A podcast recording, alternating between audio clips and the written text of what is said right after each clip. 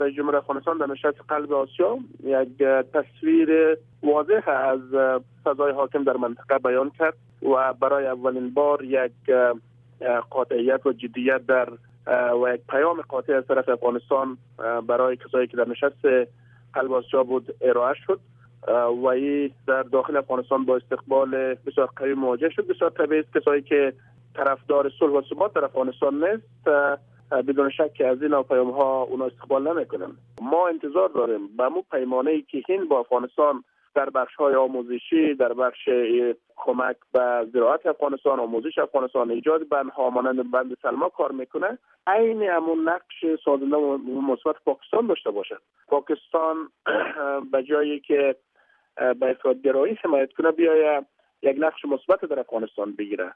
و زمان پاکستان در یک نقش مثبت بیاید بدون شک و می‌تونه یک همسایه خوب و دوست خوب برای ما باشد.